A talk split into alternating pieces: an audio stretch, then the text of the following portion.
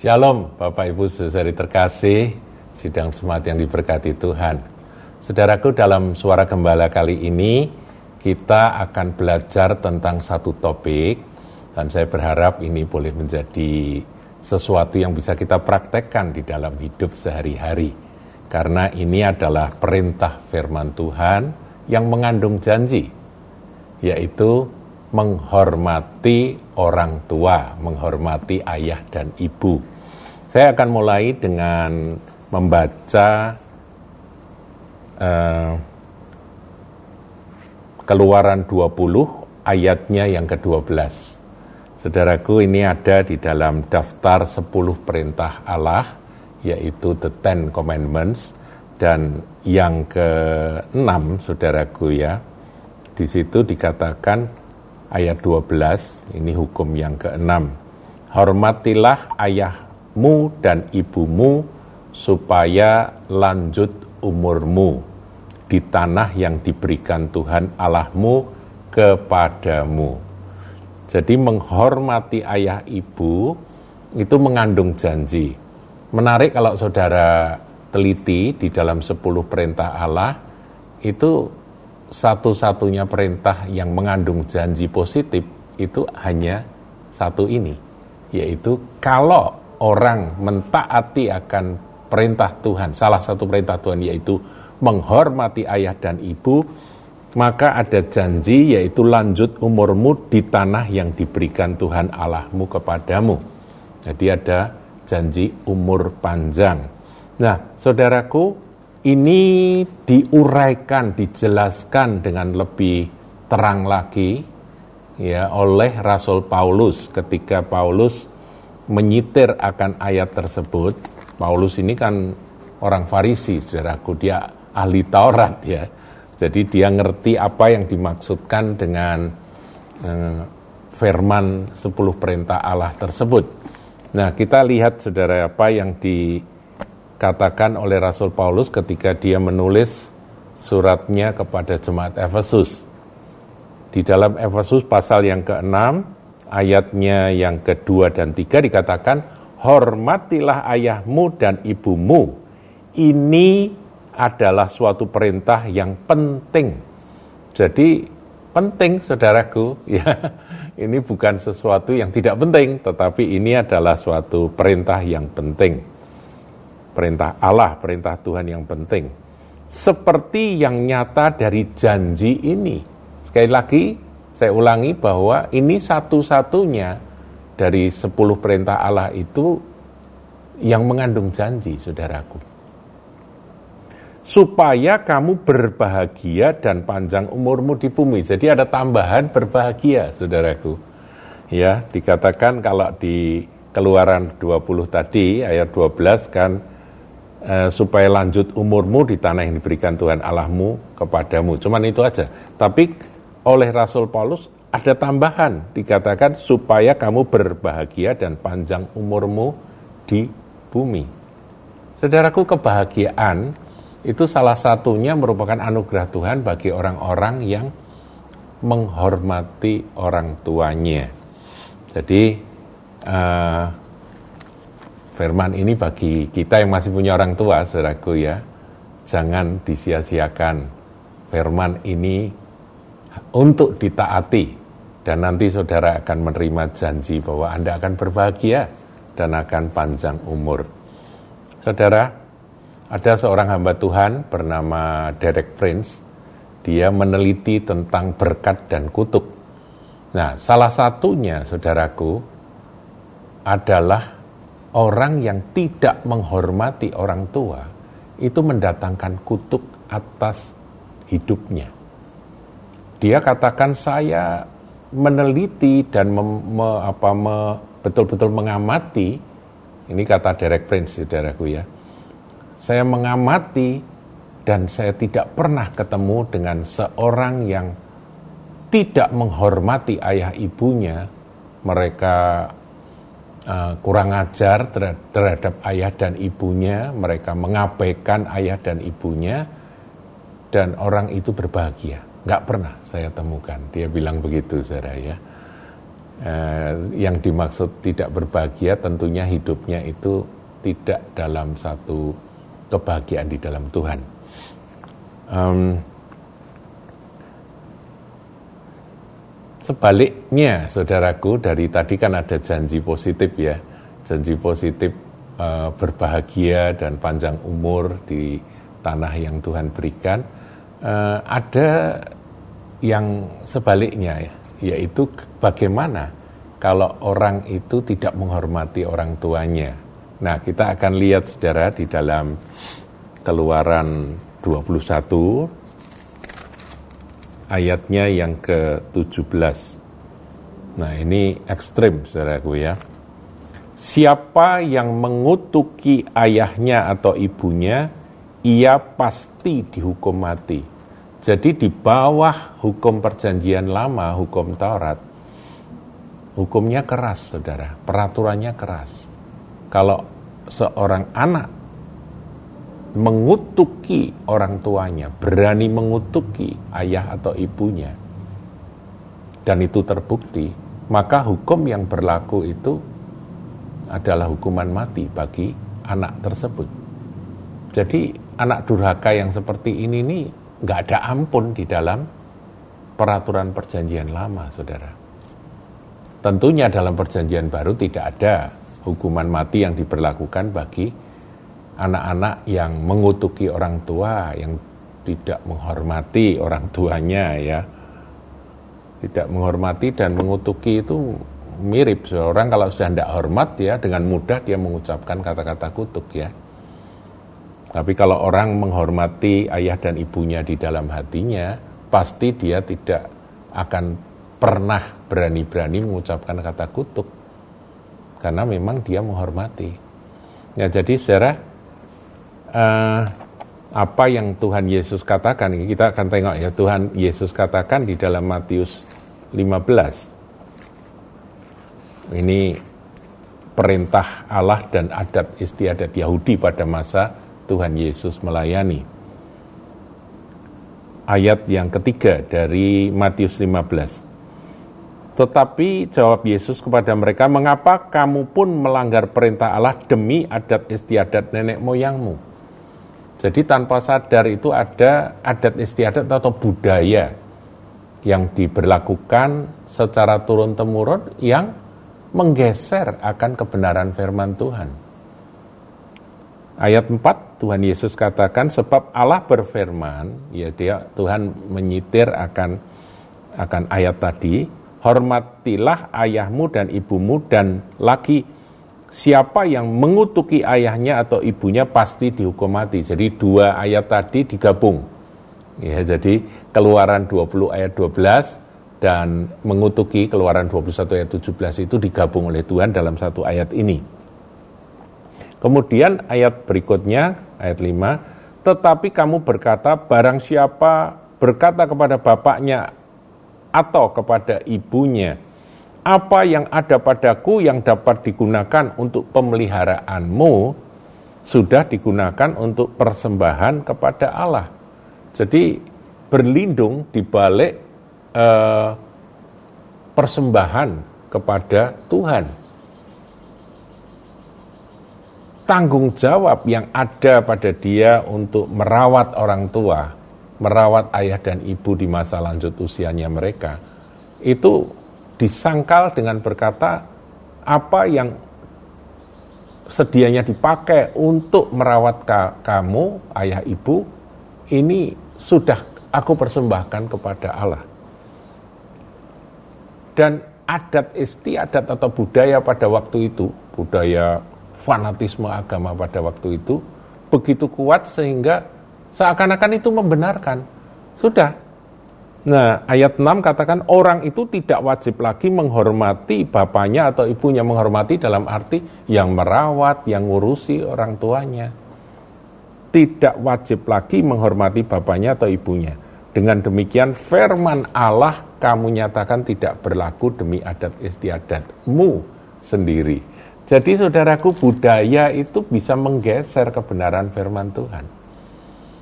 Kalau saudara lihat budaya yang berlaku di negeri barat anak-anak itu ya memang masih ada yang hormat pada orang tua, yang hubungannya dengan orang tua manis, mengasihi ayah ibunya dengan tulus itu ada. Terutama anak-anak Tuhan yang betul-betul takut Tuhan dan ngerti firman. Tetapi dalam budaya barat rata-rata saudaraku, mereka merasa bahwa kalau sudah dewasa, ya mereka hidup untuk dirinya sendiri orang tua sudah tidak diurusi. Sehingga akibatnya juga hubungan orang tua dan anak, hubungan ayah ibu dan anak itu jadi hal. Sehingga banyak orang-orang yang berketetapan, lebih baik aku nggak punya anak. Lebih baik punya anjing atau kucing. Karena orang tua merasa anjing atau kucing itu tidak pernah menyakiti aku mereka lebih setia, lebih sayang kepada majikannya daripada anak yang dibesarkan sejak bayi, dibesarkan setelah besar, terkena akan satu budaya yang semau gue, ya sudah, orang tua ditinggal gitu aja ketika anak itu sudah dewasa dan mandiri. Saudaraku, hukum Tuhan ini diberikan untuk ditaati. Orang kalau sudah enggak, tadi kan dikatakan oleh Tuhan Yesus, Tuhan Yesus kan berkata bahwa uh, apa yang ada padaku tidak dapat digunakan untuk pemeliharaanmu, memelihara, merawat orang tua. Sudah digunakan untuk persembahan kepada Allah. Wah, ini malah dibenturkan dengan ya, ini kan untuk Tuhan, untuk Allah. Jadi ini ya sudah tidak punya Aku sudah nggak punya kewajiban lagi untuk mengurus ayah dan ibu yang sudah lanjut usia itu. Nah, kemudian ayat 6 Tuhan berkata orang itu tidak wajib lagi menghormati bapaknya atau ibunya. Maksudnya ini adalah adalah eh, tradisi atau budaya yang yang di yang menggantikan firman yang ada pada waktu itu. Dengan demikian firman Allah kamu nyatakan tidak berlaku demi adat istiadatmu sendiri atau demi budaya yang sudah kamu berlakukan itu. Ngerti ya saudaraku? Nah, yang saya maksudkan di sini menghormati itu ya merawat itu saudara. Memelihara, merawat orang tua. Itu menghormati. Yang tidak menghormati artinya sudah nggak mau ngurusi orang tua lagi.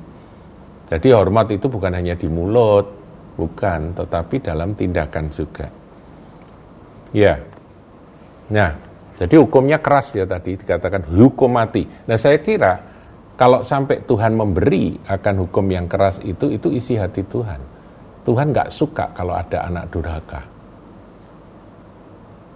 Dan itu sebetulnya ada di berbagai uh, budaya budaya uh, di mana saja, saudaraku. Makanya ada cerita-cerita seperti malin kundang dan sebagainya itu kan ada saudaraku ya. Anak durhaka dan sebagainya yang kemudian kena celaka. Karena ini memang kebenaran yang bersifat universal tapi firman Tuhan dengan tegas katakan seorang anak yang menghormati orang tuanya dia akan diberkati Tuhan coba sekarang lihat ini saya tambahkan tentang kutuk ya. Dalam ulangan 27 itu ada 12 ucapan kutuk. Dan salah satunya, saudaraku, dalam ayat 16, terkutuklah orang yang memandang rendah. Nah ini memandang rendah, saudaraku. Ya mengabaikan. Ah itu tidak penting itu orang tua itu. Sudah tua, itu cerewet aja gitu, nggak penting. Ganggu aja. Saudaraku, kalau Anda berpikir seperti itu, Anda menempatkan diri pada posisi terkutuk. Terkutuklah orang yang memandang rendah ibu dan bapaknya. Dan seluruh bangsa itu haruslah berkata, amin. Saudara, waktu saya masih kecil, saya itu sangat terkesan. Karena saya melihat ada seorang uh, anak masih kecil, saudaraku, sekitar umur 10 tahun ya, sebaya dengan saya pada waktu itu. Uh, dia dari uh, suku Jawa, dan saya tinggal di Solo, saudaraku ya. Jadi ini dari suku Jawa. Kemudian ibunya, ya dia bersama dengan ibunya gitu ya. Dan anak ini kalau berbicara kepada ibunya, itu dia pakai bahasa Jawa halus atau kromo inggil. Saya pada waktu itu terkesan sekali, saya memperhatikan di mana ketika ibunya berbicara kepada anak ini, anak ini menjawabnya itu dengan bahasa Jawa halus atau kromo inggil, saudaraku. Nah, itu menunjukkan satu sikap hormat, ya itu tentunya ekspresi beda-beda dari tiap suku ya. Tapi itu adalah gambaran dari hati yang menghormati akan orang tua. Kesan itu masih melekat sampai hari ini, di mana anak itu benar-benar uh, kelihatan sekali dia menyayangi dan menghormati sosok ibu itu. Ya, jadi saudaraku yang begini-begini ini harusnya anak Tuhan nggak boleh kalah, saudara ya. Anak Tuhan itu harus mengasihi dan menghormati orang tua. Nah pertanyaan, bagaimana kalau orang tuanya yang nggak beres? Kita kan harus fair, saudaraku ya, bahwa orang tua itu nggak semuanya benar ya. Ada orang tua juga yang sifatnya nggak baik, sifatnya juga terlalu nggak adil dan sebagainya memperlakukan anak ini ada anak emas ini ada anak perak anak perunggu padahal semua anaknya nah itu anak-anak ini kan sakit hati saudaraku dan kalau anak sakit hati itu nanti bisa ada kecenderungan dia akan membalas aku dulu tidak kamu perhatikan aku dulu kamu abaikan aku dulu kamu bedakan dengan saudara-saudara sekarang aku sukses bagaimana saudara Nah, kita harus ngerti firman Tuhan katakan terhadap musuh saja kita harus mengasihi. Apalagi terhadap kelemahan orang tua, kekurangan, kesalahan orang tua. Maafkan, ampuni saudaraku. Anda sudah diberkati, maka uruslah orang tuamu dengan segenap hati. Meskipun orang tua Anda itu tidak sempurna atau bahkan mungkin bukan orang tua yang ideal karena firman ini untuk anak-anak. Ya sudah, kita sebagai anak lakukan apa yang menjadi bagian kita. Nanti Tuhan yang akan memberkati Anda. Demikian, saudaraku. Ya, jadi uh, firman dalam ke-12 ucapan kutuk, terkutuklah orang yang memandang rendah ibu dan bapaknya dan seluruh bangsa itu haruslah berkata amin begitu ya. Jadi uh, suku Lewi itu berseru dengan suara nyaring. Terkutuklah orang yang memandang rendah ibu dan bapaknya.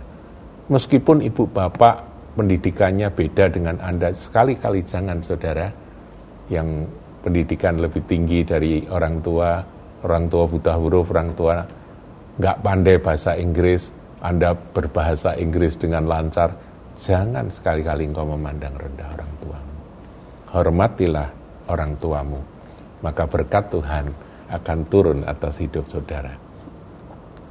Saya akan akhiri dengan sebuah kesaksian, saudaraku. Ya, sekitar 20 tahun yang lalu, mungkin lebih, saudaraku ya. Saya berkenalan dengan seorang bapak, dia pengusaha yang saya nilai berhasil, diberkati Tuhan. Dia punya usaha maju, saudaraku ya saya tidak kekurangan apa-apa. Saya pikir dia anak dari keluarga yang berada. Tapi setelah saya mendengar cerita dari bapak ini, saya baru tahu bahwa dia ternyata dari keluarga miskin dan berantakan, saudara. Jadi ayahnya itu seorang penjudi, hari-hari itu diisi dengan kumpul sama teman-teman teman-teman yang sama-sama pengangguran dan mereka berjudi. Mereka berjudi. Ya itulah kehidupan yang dijalani sampai dia usia sekitar kalau nggak salah 10 atau 11 tahun dia sudah membantu ibunya untuk menghidupi akan keluarga. Jadi menghidupi adik-adiknya dan sebagainya. Dia anak sulung. Saudara. Ibunya jualan ada apa nasi saudaraku ya dia yang menjajakan nasi tersebut keliling karena kalau nggak kerja kan nggak makan saudara sementara ayahnya ya cuman begitu cari seneng sendiri, kumpul sama teman-teman, kalau punya duit ya dipakai untuk judi sampai habis begitu. Nah, itu berlangsung. Nah, si anak ini tentunya kalau ngomong mau bitterness ya pasti ya, kepahitan itu so pasti sama bapaknya. Tapi dia dididik saudaraku dalam satu satu kebenaran yang sesuai dengan firman ini. Dia tetap menghargai akan ayah dan ibunya. Kalau ibunya nggak ada masalah, dia bahkan sangat mendukung akan mamahnya itu.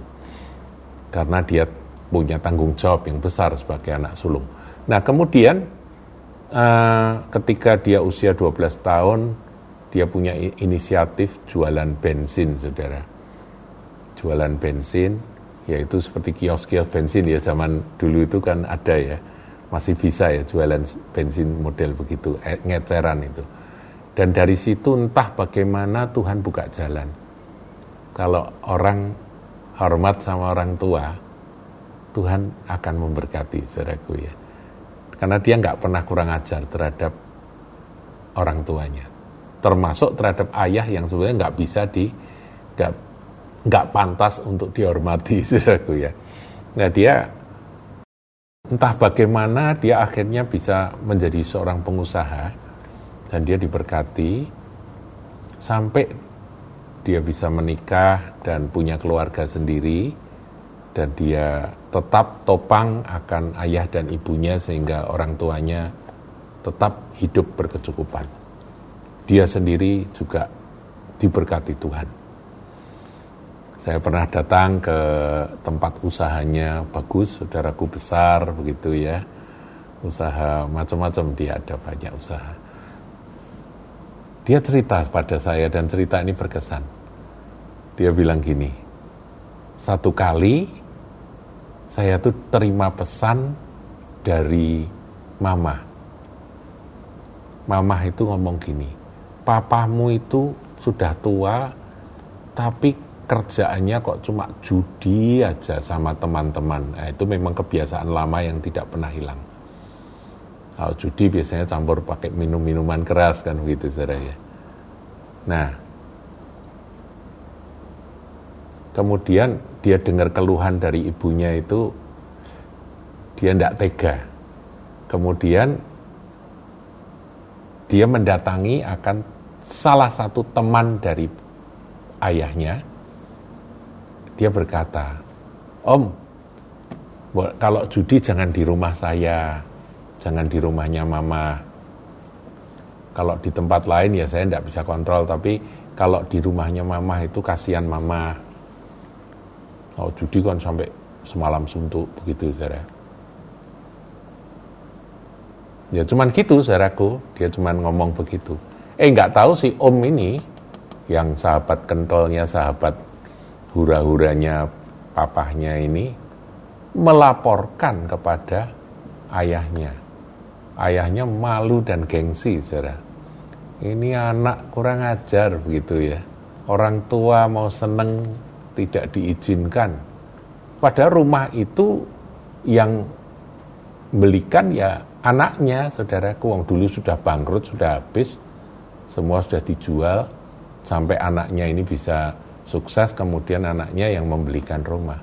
Tapi dasar orang tuanya ini memang tidak tahu diri, dia marah kemudian pas dia datang ke rumah ibunya, ya rumah orang tuanya, ini dia sudah punya istri, punya anak loh saudaraku, jadi sudah dewasa dan sukses. Itu ayahnya datang, ya orang tua, marah-marah maki-maki. Wah anak kurang ajar, kamu bikin malu papa ya. Kamu ngomong apa sama om itu gini gini gini. Wah dia gengsi Biasa gitu saudaraku. Orang kalau nggak berfungsi itu gengsi. Yalah itu seperti seperti itu. Ya itu urusan dia sama Tuhan ya. Cuma yang saya kagum ini pada si anak ini, teman saya ini. Katanya dia marah, dia ambil kursi, kursi plastik saudaraku.